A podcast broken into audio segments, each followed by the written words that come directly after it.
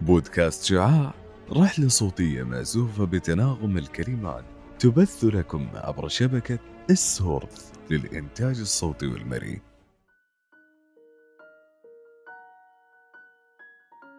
أسعد الله مساءكم أعزائي المستمعين. أنا فاطمة وأرحب بكم في الموسم الثاني من بودكاست شعاع.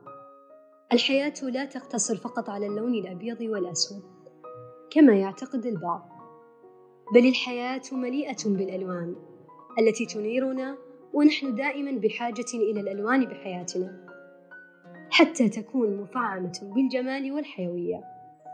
ونحتاج أيضا للفن حتى يضيف لمسة سحرية لأصغر تفاصيلنا كما يفعل تخصصنا لهذا اليوم. تخصص اليوم يتحدث عن الإبداع.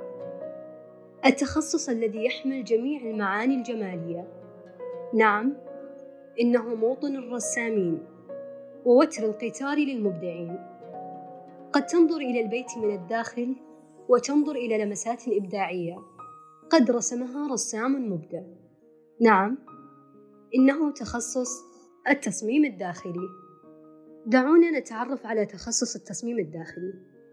فهو بشكل عام فن وعلم تصميم المساحات الداخلية لأي مبنى من خلال عدة نواحي وهي أبرزها الاحتياجات الوظيفية الراحة النفسية والجسدية الخامات المستخدمة التوزيع الداخلي لكامل المبنى من غرف وأبواب وإضاءات ونوافذ تصميم الأرضيات الأسقف والجدران الطراز التصميمي والشكل الجمالي والديكور. أستطيع أيضا توقع بأن هناك سؤال قد يراودكم ويدور في أذهانكم الآن. ألا وهو؟ بماذا يتميز هذا التخصص؟ وما الذي يميزه عن بقية التخصصات؟ لربما الكثيرون يجهلون مدى عمق التخصص وارتباطه بجميع المجالات تقريبا. كما أنه يبث الشعور بالتجدد لأنه تخصص مرن ويجعلك تفهم مدى التأثير على واقع شعور وصحة والجمال البيئي. وأيضا النتائج تكون فردية ويكسبك الكثير من الخبرات كما أنه تخصص ليس لمظهر جمالي فقط. وقد يواجه الطلبة الراغبين بهذا التخصص بعض مشاكل الخوف والقلق لعدم امتلاكهم مهارات مطلوبة للتميز أثناء الدراسة والحل هو الاكتساب والتطوير ويتم اكتساب المعرفة بالنقاط التالية. التفكير الإبداعي قد يظهر ويتطور أثناء الدراسة. من خلال الاطلاع والممارسة. الدقة بالرسم والتنفيذ الاهتمام بالتفاصيل تقبل النقد والآراء المختلفة. وأيضا تنظيم الوقت القدرة على تعليم الذات القدرة على التعامل والتواصل مع مختلف الفئات. وحتى تكون لديك خلفية واضحة أكثر إليك يا عزيزي المستمع. الجامعات والكليات التي يتوفر بها التخصص في المملكة العربية السعودية. أما عن الجامعات الحكومية فيوجد التخصص في جامعة الأميرة نورة بالرياض وجامعة الإمام عبد الرحمن بن فيصل بالدمام وجامعة الملك عبد العزيز بجدة وجامعة طيبة بالمدينة وجامعة الطائف وكلية الجبيل الجامعية. وأما عن الجامعات الأهلية جامعة الأمير سلطان بالرياض جامعة دار العلوم بالرياض جامعة الأمير محمد بن فهد بالدمام جامعة الأصالة بالدمام جامعة دار الحكمة بجدة جامعة عفت بجدة كلية جدة العالمية جامعة الأمير مقرن بن عبد العزيز بالمدينة المنورة وكليات عنيزة بالقصيم. وتأتي نقطة الخطة الدراسية والمواد بشكل موجز. فكما اتفقنا سابقا بأن التخصص مرتبط بجميع المجالات تقريبا. وحين نصفه بوضوح يكون هو بشكل عام تنوع فيه المواد ما بين النظرية مثل تاريخ النظريات التصميمية والسلوك الإنساني تجاه البيئة. وأما عن المواد فهي غالبا تتعلق بالخامات واستخداماتها ونظم البناء ومواد لتعليم التصميم الرقمي من خلال برنامج ديتو ودي 3 ومواد الاستديو سواء كان سكني تجاري تصميم مكاتب ضيافة وإلى آخره ومواد تصميم الأثاث وتصميم إضاءة. وفي النهاية بحث ومشروع تخرج بالإضافة إلى تدريب ميداني. وهناك ملاحظة مهمة لكل المستمعين أن قد تختلف مسميات المواد والخطط من جامعة لأخرى ولكن بشكل عام الخطط متقاربة.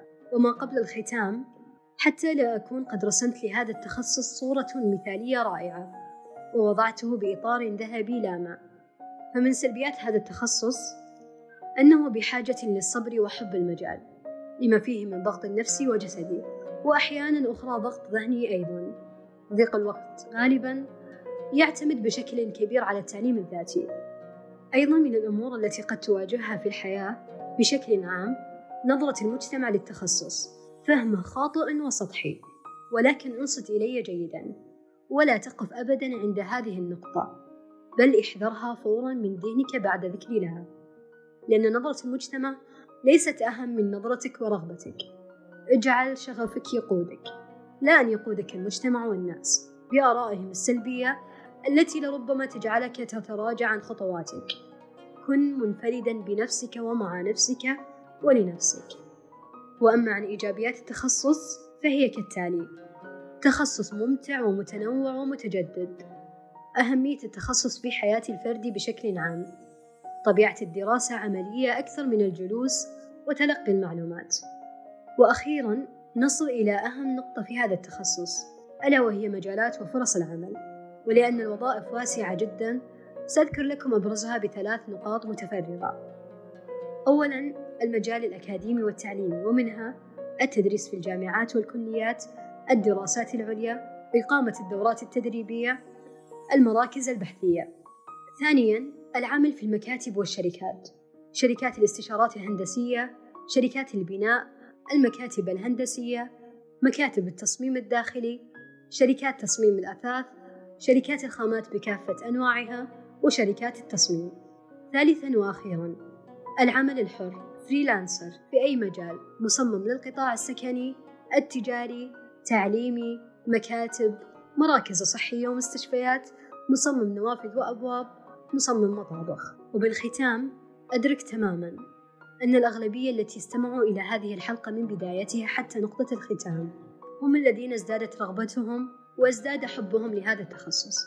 فهذا يدل أن هناك رسام ماهر يسمعني بيده اليمنى يحمل فرشاة رسم بيده اليسرى ممسك بلوحة الألوان وبداخله حب وشغف ورغبة لتغيير نمط أسلوب الحياة. وجعل أماكن عيشنا أكثر جمالا لأنه ببساطة اختار تخصص التصميم الداخلي.